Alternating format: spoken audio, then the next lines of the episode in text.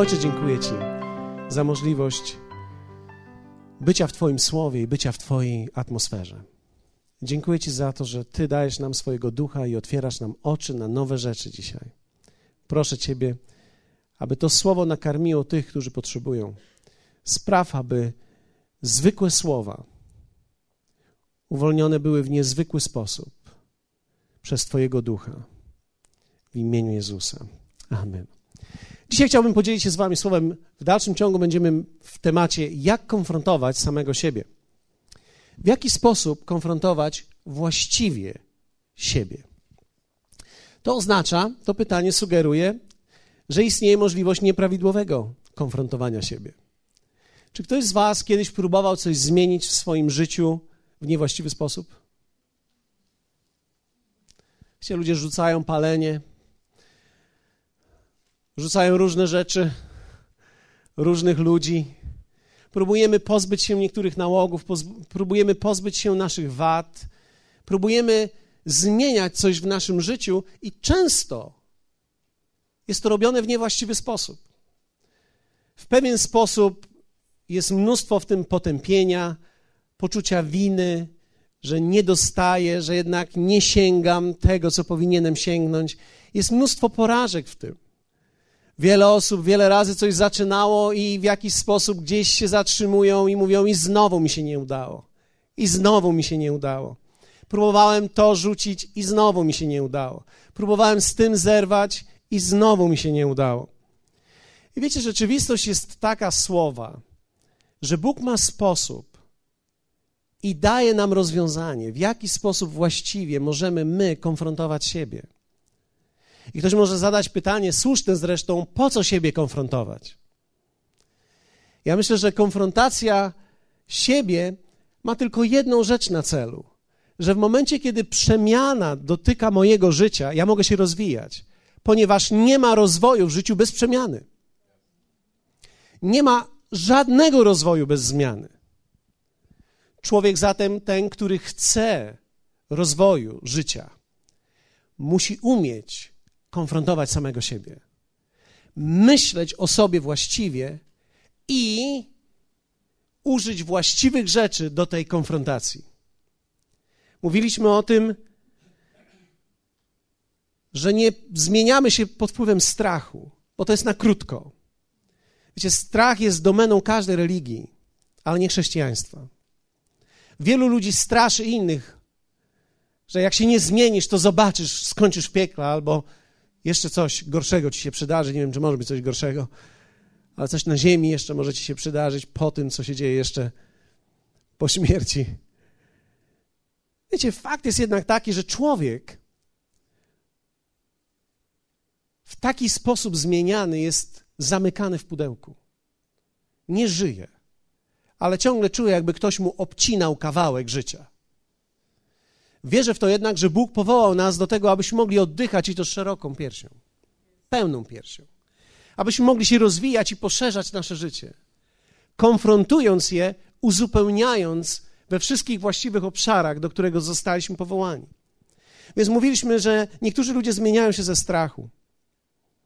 W pewnym sensie czasami to lepiej. Więc ja nie chcę powiedzieć, że to w ogóle nie działa. Strach czasami pomaga. Kiedy idziesz do lekarza, on robi ci badania, kończysz 40 lat i robią ci bilans. I lekarz mówi do ciebie: Panie, jak pan będziesz tak dalej jadł, to zostały panu 3 lata. Wychodzisz wtedy od tego lekarza i myślisz sobie: 3 lata. Kto weźmie moją żonę? O nie. O nie. To jest jedna z przyczyn, dla której człowiek zmienia dietę po 40. Rzeczywiście tak jest, że czasami lęk pomaga nam w zmotywowaniu siebie. Ale prawdziwe zmiany, zmiany charakteru, zmiany osobowości, która często została wykrzywiona przez grzech, nie są możliwe pod wpływem strachu, ale są możliwe pod wpływem właściwych. I teraz za chwilę powiemy, o czym dzisiaj będziemy mówili. W liście do Hebrajczyków czytamy takie słowo: Prostujcie ścieżki dla nóg swoich, aby to, co chrome, nie zboczyło, ale raczej uzdrowione zostało. Wiemy, że to słowo uzdrowione nie jest to słowo, które mówi o cudzie uzdrowienia, ale słowo, które mówi o kurowaniu, o kuracji, czyli wykurowane zostało. Kuracjuszami jesteśmy wtedy. Jestem kuracjuszem, kiedy prostuję moje ścieżki. Zwróćcie uwagę na jedną ważną rzecz. Słowo nie mówi, że Bóg uzdrowi nasze życie, dopóki my nie zaczniemy prostować naszych ścieżek. Czyli jest pewna odpowiedzialność na tobie i na mnie, i jest pewna odpowiedzialność, którą my poprzez nasze działanie nakładamy też na Boga. To oznacza, że kiedy ja prostuję, moje prostowanie ścieżek, prostowanie moich dróg wpływa uzdrawiająco na całe moje życie. Bez mojego prostowania nie ma kurowania. Powiedzmy razem, bez prostowania nie ma kurowania. Oznacza, że po stronie każdego z nas istnieje zdolność prostowania. Jeśli Bóg mówi, że możesz coś zrobić, to znaczy, że możesz to zrobić. Ja mogę coś w życiu wyprostować, co sugeruje mi od razu, że nie wszystko jest proste. Kto z Was ma wszystko proste? Nawet koszuli nie mamy prostej. Wystarczy, że tylko posiedzimy. Nasze życie jest chrome z powodu starego sposobu myślenia. Mamy nawyki, wykształtowaną jakąś osobowość, która jest chroma. I teraz, aby ją wykurować i uzdrowić, ja muszę narzucić prostowanie na swoje życie. Nie z potępieniem, nie z lęku, z właściwych motywów. Powiedzieliśmy, że potrzebujemy, aby konfrontować nasze życie, dwie rzeczy. Pierwsza to była odwaga. Dlatego, że trzeba odwagi, aby spojrzeć na nasze życie takim, jakim ono naprawdę jest. Trzeba odwagi. Dalej. Powiedzieliśmy, że potrzebujemy właściwego motywu.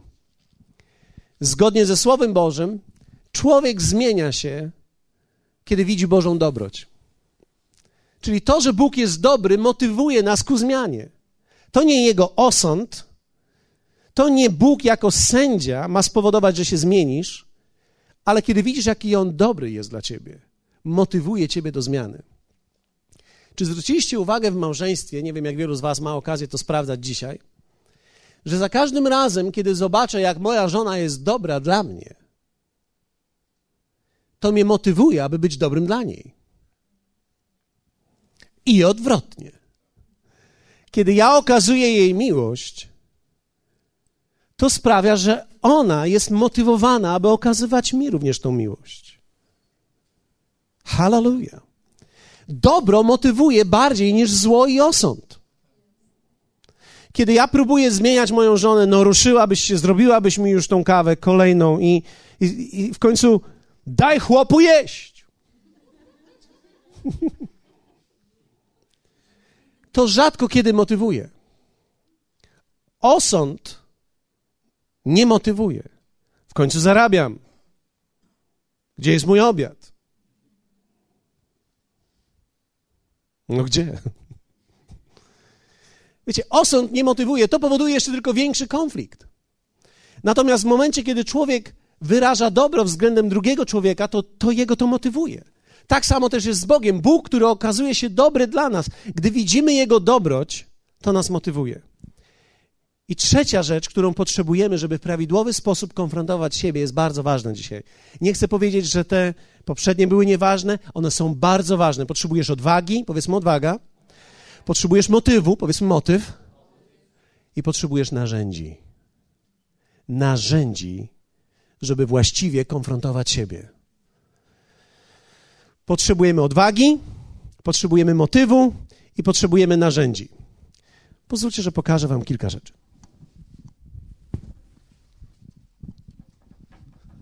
Okazuje się,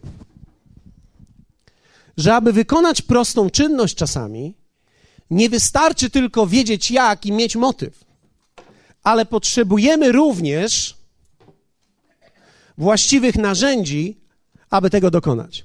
Ja nie znam się na wielu rzeczach. Nie umiem wiele rzeczy. Ale to jest coś, co robię od lat. Lat, lat, lat, lat, lat. Tapetuję. Więc przyniosłem tutaj kilka rzeczy, które są potrzebne do tapetowania. Przyniosłem nawet kawałek naszej starej tapety. I oto kilka z tych narzędzi. Jak wielu z Was wie, że tapetowanie to prosta sprawa?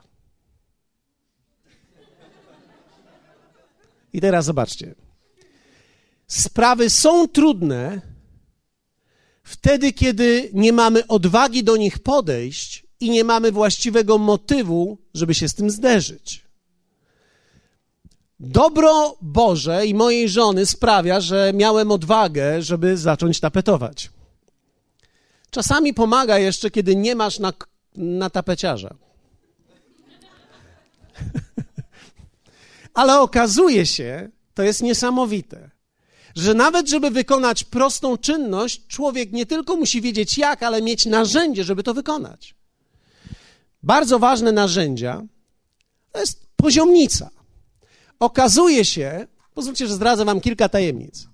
Okazuje się, że jeśli tapetę nie położysz pierwszego paska we właściwym pionie, to będziesz zjeżdżał tak, że będziesz wycinał duże trójkąty na koniec ściany.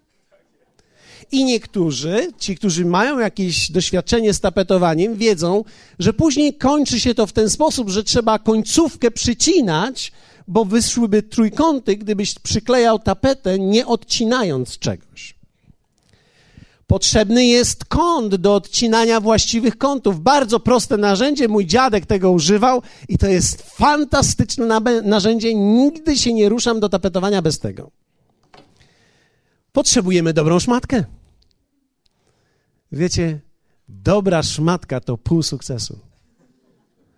Gdy człowiek ma dobrą szmatkę, ja nie mówię, że mam dobrą szmatkę, chcę powiedzieć, że akurat miałem dobrą szmatkę, mi się skończyła i wziąłem tą szmatkę na wszelki wypadek, żeby pokazać wam.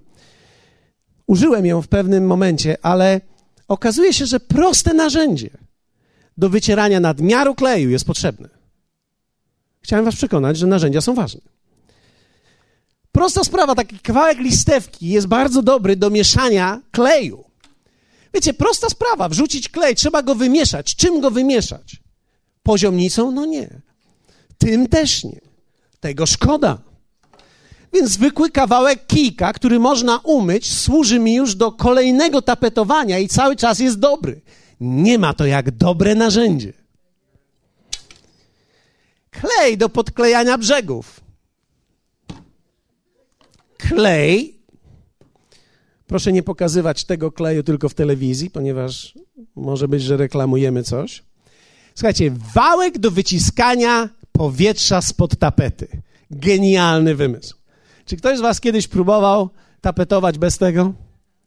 To jest wyciskanie szmatką, robisz wszystko, żeby. Ten wałek, on jest miękki, jest mięciutki. Genialne narzędzie. Proste jak to jest, tak jak proste może być. Dobry nożyk. Ach, to jest dopiero robota.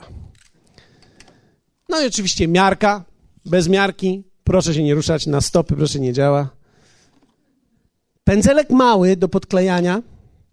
Ołówek. Dobrze zaostrzony ołówek to jest pół sukcesu tapetowania. Mały nożyk do przycinania różnego rodzaju figur, gdy masz do obcięcia wokół gniazdka albo różnych rzeczy.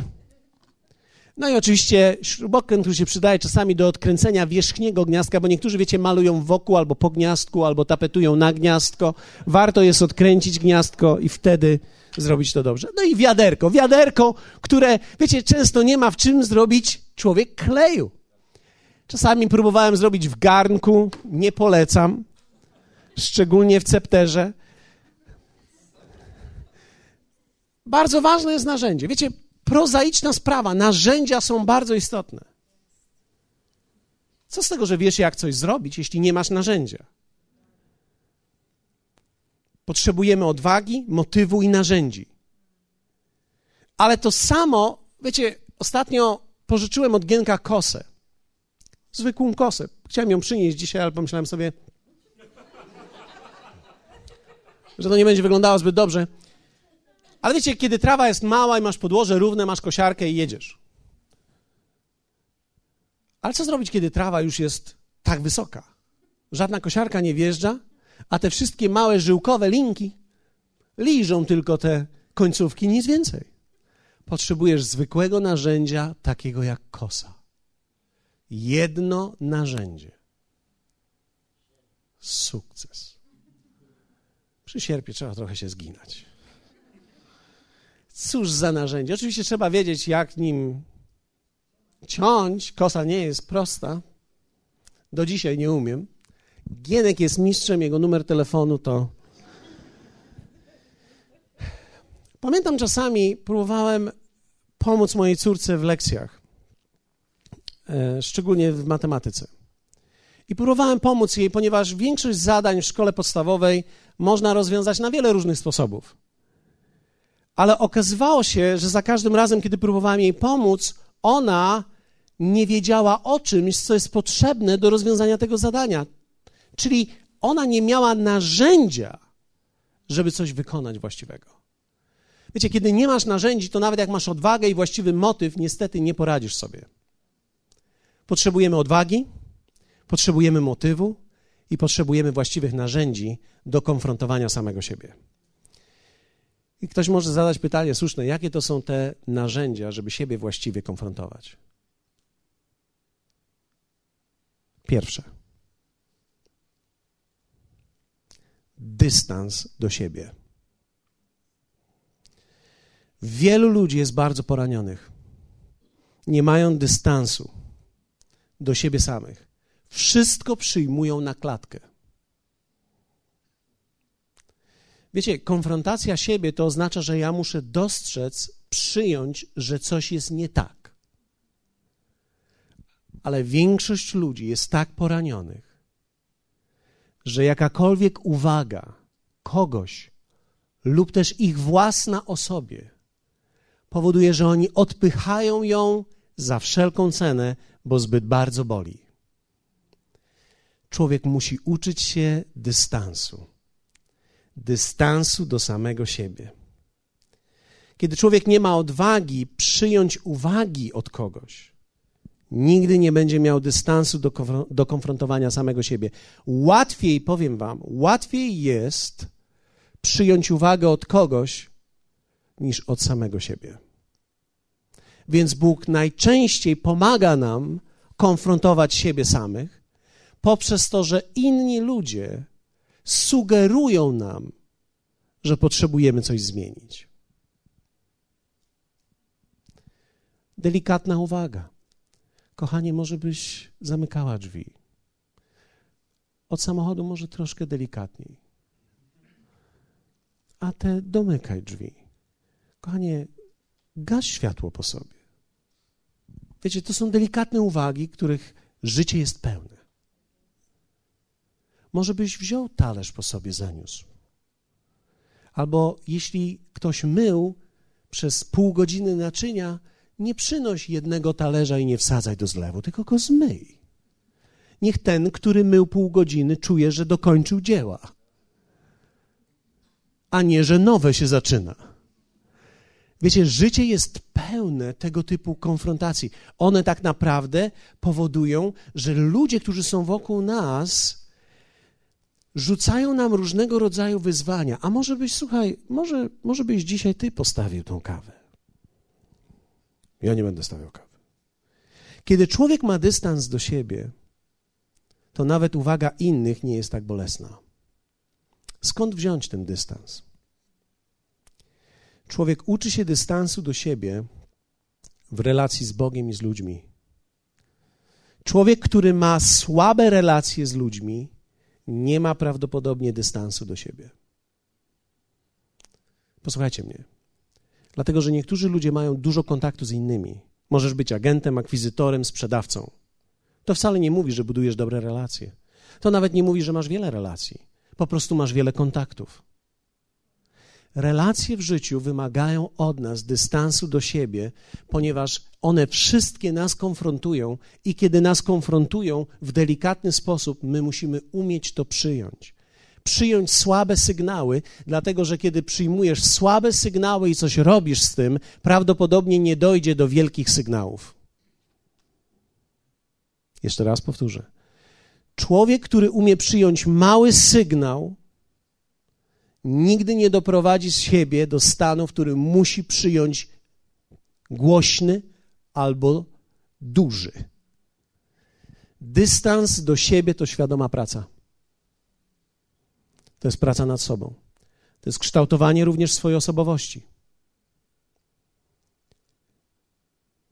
Pomyślałem sobie, że powinniśmy tworzyć też i, i będziemy planowali kursy osobowości tutaj. Dlatego, że wielu ludzi nie wie tak naprawdę, jak funkcjonować. Nikt nas nie uczy, uczą nas matematyki, polskiego, uczą nas fizyki, uczą nas chemii, ale nikt nas nie uczy funkcjonowania jako człowieka. W rodzinach nie mamy tego. Wiecie, osobowość jest bardzo ważna, którą my kształtujemy, ponieważ osobowość mówi często o dystansie do siebie samego. O tym, co jest tak naprawdę jednym z największych osiągnięć człowieka, to jest jego stosunek do siebie. To jest dystans. Kształtuję swoją osobowość, kiedy umiem patrzeć na drugiego człowieka, gdy z nim rozmawiam. Patrzeć mu w oczy, gdy się z nim witam. Wielu ludzi tego nie potrafi. Wielu ludzi. Wielu ludzi nie potrafi odpowiedzieć uśmiechem na uśmiech. Odpowiadają zdziwieniem na uśmiech. Hmm? Co ty chcesz ode mnie? Nic, uśmiecham się. Niemożliwe. Coś chcesz. To mówi o braku dystansu do siebie. Zobaczcie, w liście do Rzymian w 14 rozdziale, werset 1-3, czytamy takie słowo. A słabego w wierze przyjmujcie, nie wdając się w ocenę jego poglądów. Jeden wierzy, że może jeść wszystko, słaby zaś jarzynę jada. O moja teściowa. Słaby zaś jarzynę jada. Przeczytajmy to razem głośno, żeby to zrozumiała. Słaby zaś jarzynę jada. Niechże ten, kto je, nie pogardza tym, który nie je. A kto nie je, niech nie osądza tego, który je, albowiem Bóg go przyjął. Wiecie, tu jest mowa o jedzeniu, ale w pewnym sensie można to połączyć z pewnego rodzaju filozofią życia. Ktoś ma jakąś filozofię życia, każdy człowiek ma filozofię życia. Jeden uważa, że do kościoła powinno się chodzić dwa razy w tygodniu, a niektórzy myślą, że dwa razy w roku. Każdy ma swoją własną filozofię, według swojej własnej filozofii będzie zbierał w swoim życiu, ale każdy człowiek ma prawo do własnej filozofii. Każdy człowiek ma prawo układać swoje życie po swojemu. Każdy człowiek chce żyć po swojemu. Mało tego, każdy człowiek będzie żył po swojemu, bo każdy człowiek zawsze dąży do tego, co jest jego najwyższą wartością. To mówi mi, że moje życie nie jest Twoim życiem i ja muszę umieć przyjąć Twoje życie jako Twoje życie, bez oceniania Twojego życia. Ty chcesz tak żyć w porządku. Żyj jak chcesz. To mówi mi o wielkim dystansie do mnie samego. Wiecie, kiedy człowiek ma dystans do siebie, potrafi przyjąć innych, bo nie czuje się zagrożony przez ich inny styl życia. Wielkość człowieka nie jest mierzona tym, że ma blisko siebie kogoś, kto tak samo dokładnie żyje jak on. Ale wielkość człowieka mierzona jest tym, że dwoje ludzi, którzy mają w pewien sposób różne myśli i różne filozofie na dany temat, mogą funkcjonować razem. Nie ma w tym aplauzu, ale to jest prawdą. Wiecie, życie jest bardzo małe, kiedy dwóch ludzi kłóci się o małe rzeczy. My uczymy się tego w małżeństwie. Ty lubisz kłaść się późno, ja lubię kłaść się wcześnie. Ok? Tak długo, jak są momenty, kiedy kładziemy się razem, jest dobrze.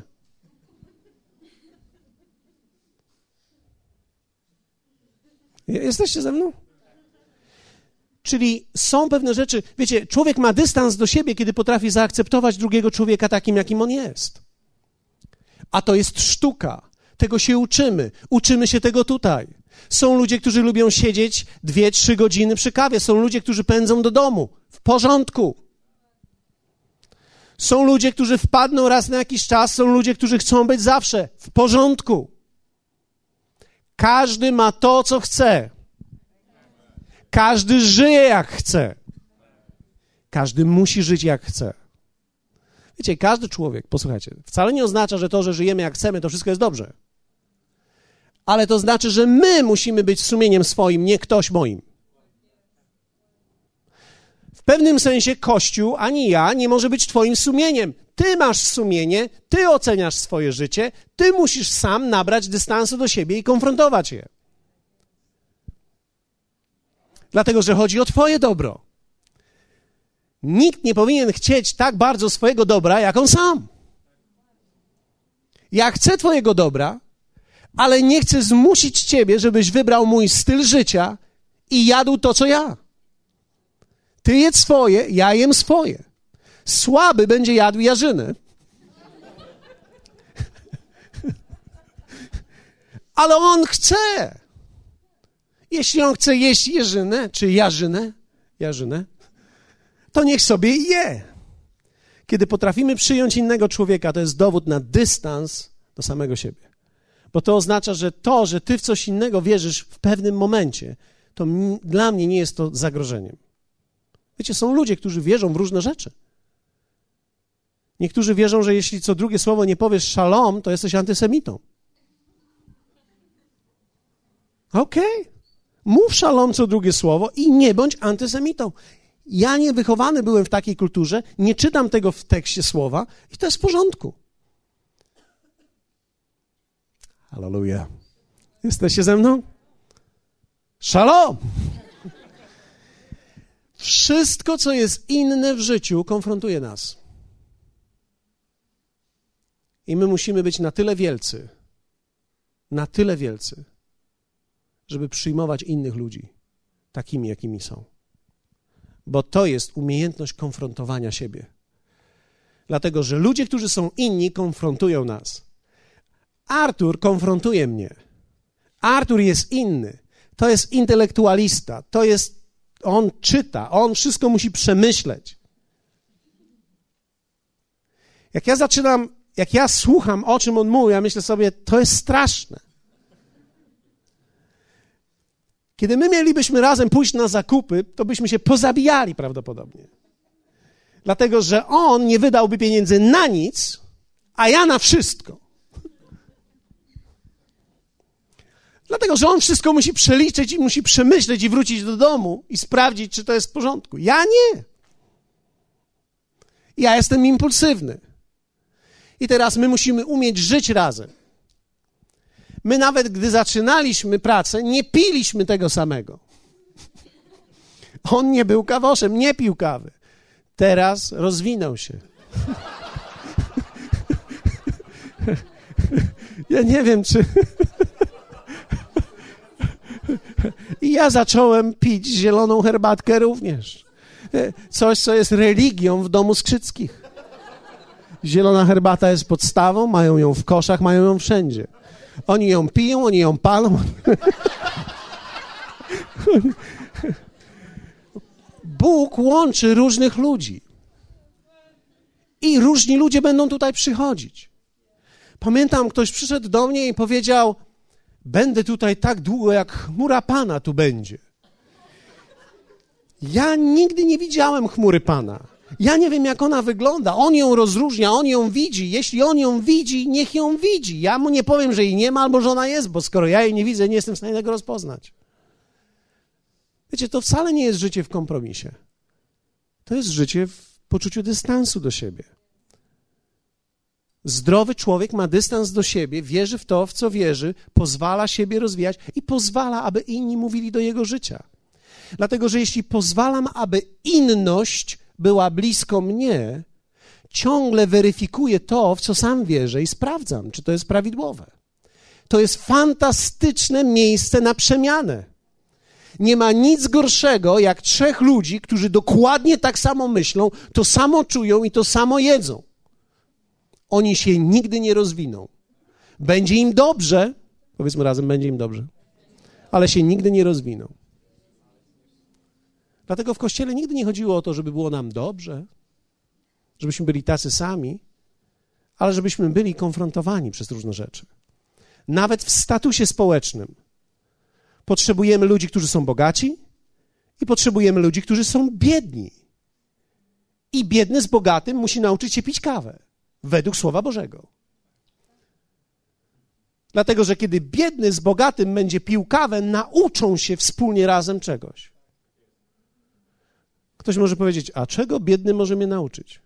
Pokory. Pokory. Przestaniesz być arogancki. Przestaniesz być jego ekscelencją w swoich własnych oczach. Że pijesz zawsze i jesz tylko z tymi z wyższych sfer. To jest arogancja i pycha. Biblia nie pochwala tego. Nauczysz się pokory, nauczysz się widzieć świat innymi oczami. Też powiedzieć, ja nie chcę patrzeć na ten świat. Dobrze, jak się przyjrzysz. Być może rozpoznasz, że twoje bogactwo ma jakiś sens. I zobaczysz też, że Bóg cię z tego wyciągnął, w czym byłeś kiedyś i teraz jesteś w zupełnie innym miejscu. A czego może nauczyć się biedny? Nie musi, ale może. Może nauczyć się, że świat kiedy jesteś w innym miejscu finansowym, wcale nie musi być mały i wcale nie musi być arogancki, ale może być piękny, wspaniały, może umożliwiać bardzo wiele rzeczy i to może go zachęcić do przemiany i zmiany w swoim własnym życiu.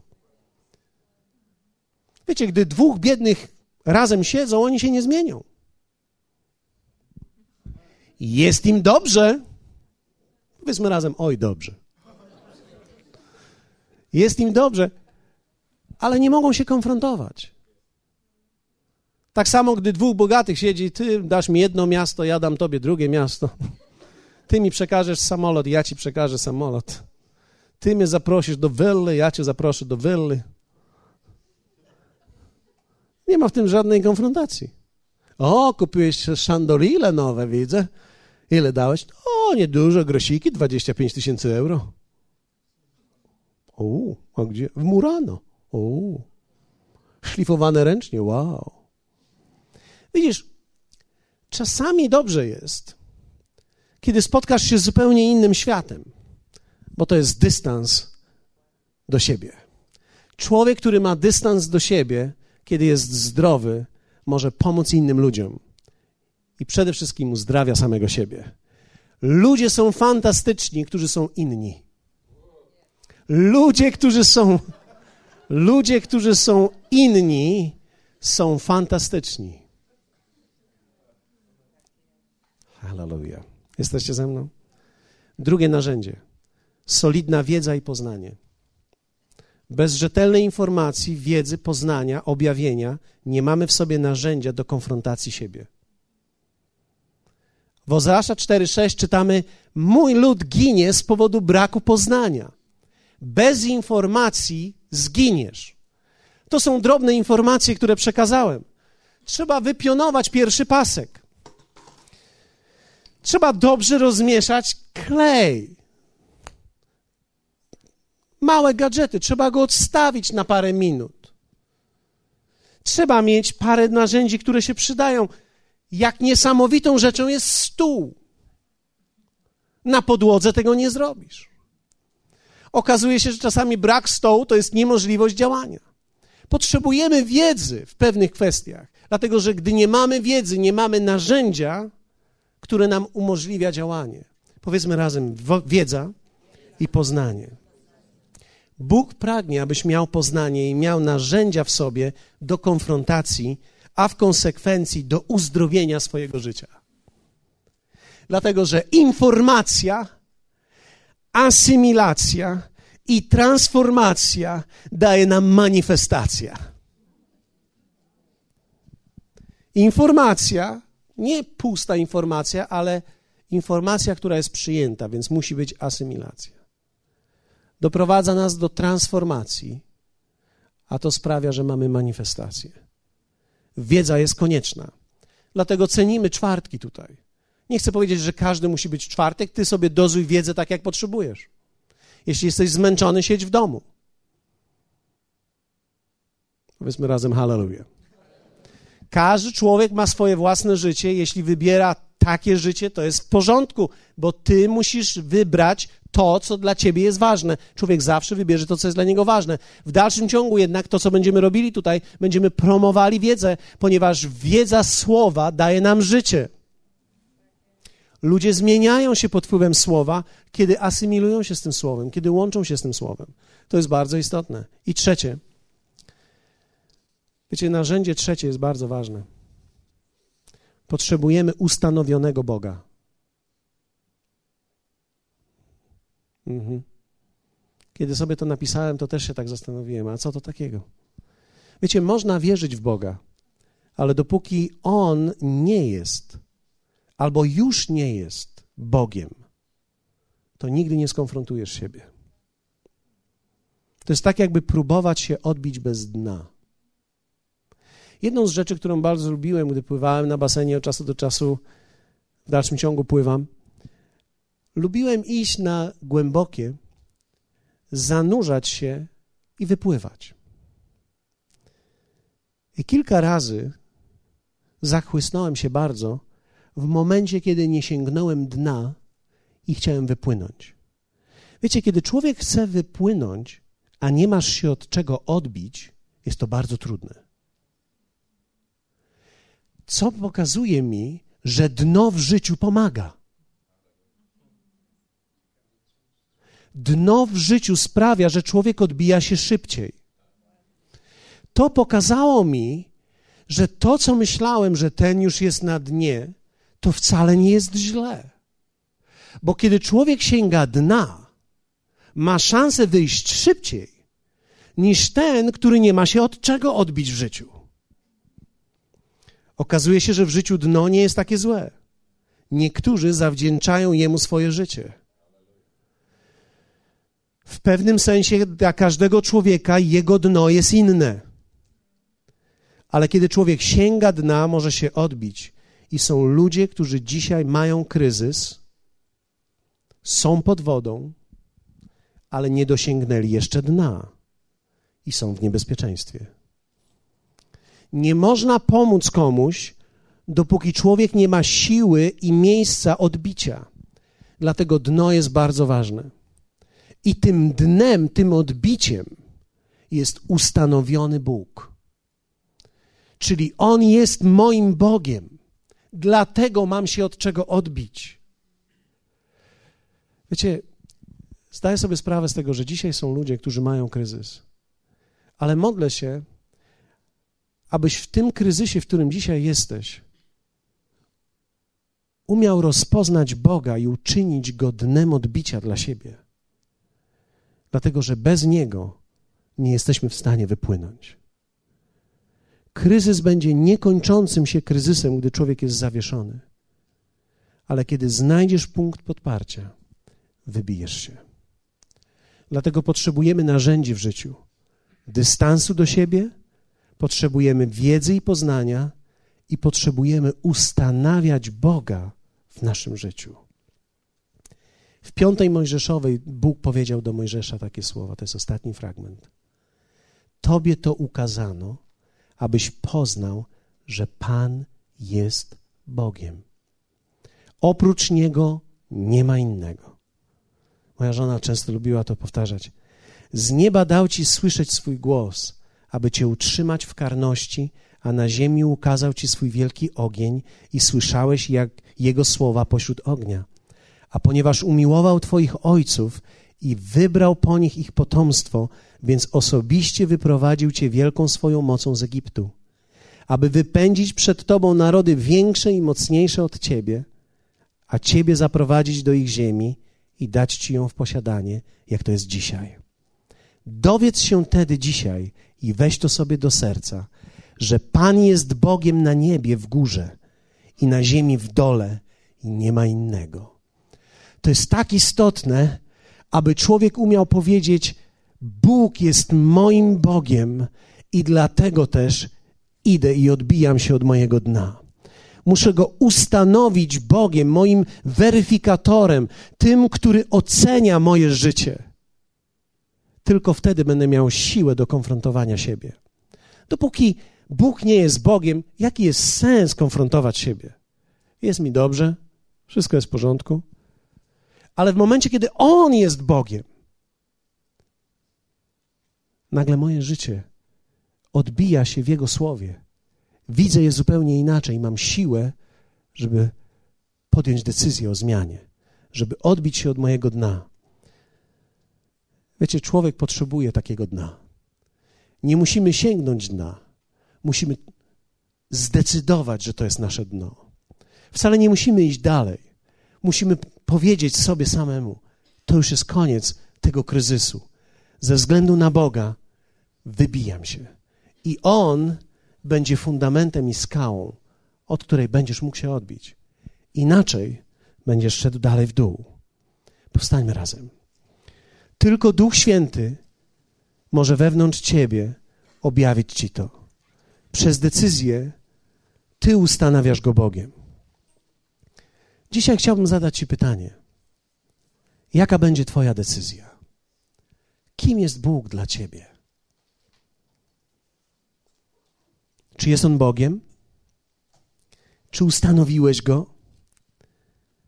Bo jeśli tak, to Twój kryzys może dzisiaj sięgnąć tego prawidłowego dna i przez ustawienie, ustanowienie go Bogiem możesz się odbić dzisiaj. Wiecie, ja nie mam wglądu w życie każdego człowieka. Ale chciałbym, żebyś wiedział, że każdy z nas wybiera życie. I ty możesz dzisiaj wybrać Jego i ustanowić Go swoim fundamentem. To jest niesamowite, jak na dnie człowiek rozpoznaje skałę. Wiecie, to co my nazywamy dnem, kojarzy nam się ze złem, ale to, co jest dnem, jest też skałą, na której możemy stanąć i odbić się od niej. Biblia mówi również, że komu wiele przebaczono, wiele miłuje. To oznacza, że człowiek, który sięgnął dna i rozpoznał to swoje dno, odbija się i miłuje bardziej niż ten, który jest zawieszony w powietrzu. Dlatego dno nie jest niczym złym. Jest miejscem odbicia i skałą i fundamentem dla człowieka. Bóg pragnie, abyś miał odwagę, abyś miał właściwy motyw i abyś miał narzędzie, aby konfrontować siebie. Bo On nie potępia nas nigdy. On chce przyciągnąć nas przez swoją dobroć. Ale muszę Wam powiedzieć, że ponieważ pragnę się rozwijać w życiu, musiałem skonfrontować i w dalszym ciągu muszę wiele rzeczy. I dzięki niemu dostałem tą siłę. Jak wielu z Was chce nauczyć się tej sztuki konfrontowania siebie właściwie? Jeśli jesteś w tym miejscu i chciałbyś tego, podnieś swoje ręce przez moment i powiedz do Niego: Duchu Święty, Ty, który jesteś tutaj, przez chwilę możesz nawet modlić się własnymi słowami. Poproś Go, aby On przyszedł do Twojego życia. Ten gest podniesionych rąk to jest gest poddania się, gdzie możesz powiedzieć: Panie, ja poddaję się już dzisiaj. Ja dzisiaj Chcę ogłosić moje dno, od którego pragnę się odbić. I uznaję Ciebie moim Bogiem i moim Panem. Nie tylko uznaję Ciebie, ale chcę ustanowić Ciebie moim Bogiem i moim Panem. I ze względu na Ciebie chcę iść w górę, chcę rozwijać się, chcę rozwijać moje życie dla tych wspaniałych owoców, które Ty przygotowałeś, dla tego pokoju, którym chcesz mnie obdarzyć. Dziękuję Ci, że obdarzyłeś mnie odwagą. Powiedz to Jemu, podziękuj Mu za odwagę. Podziękuj Mu za ten motyw miłości, który On daje nam. I podziękuj Mu za wszystkie narzędzia, które dostajemy od Niego. Ponieważ Słowo mówi, że On obdarzył nas wszystkim, co jest nam potrzebne.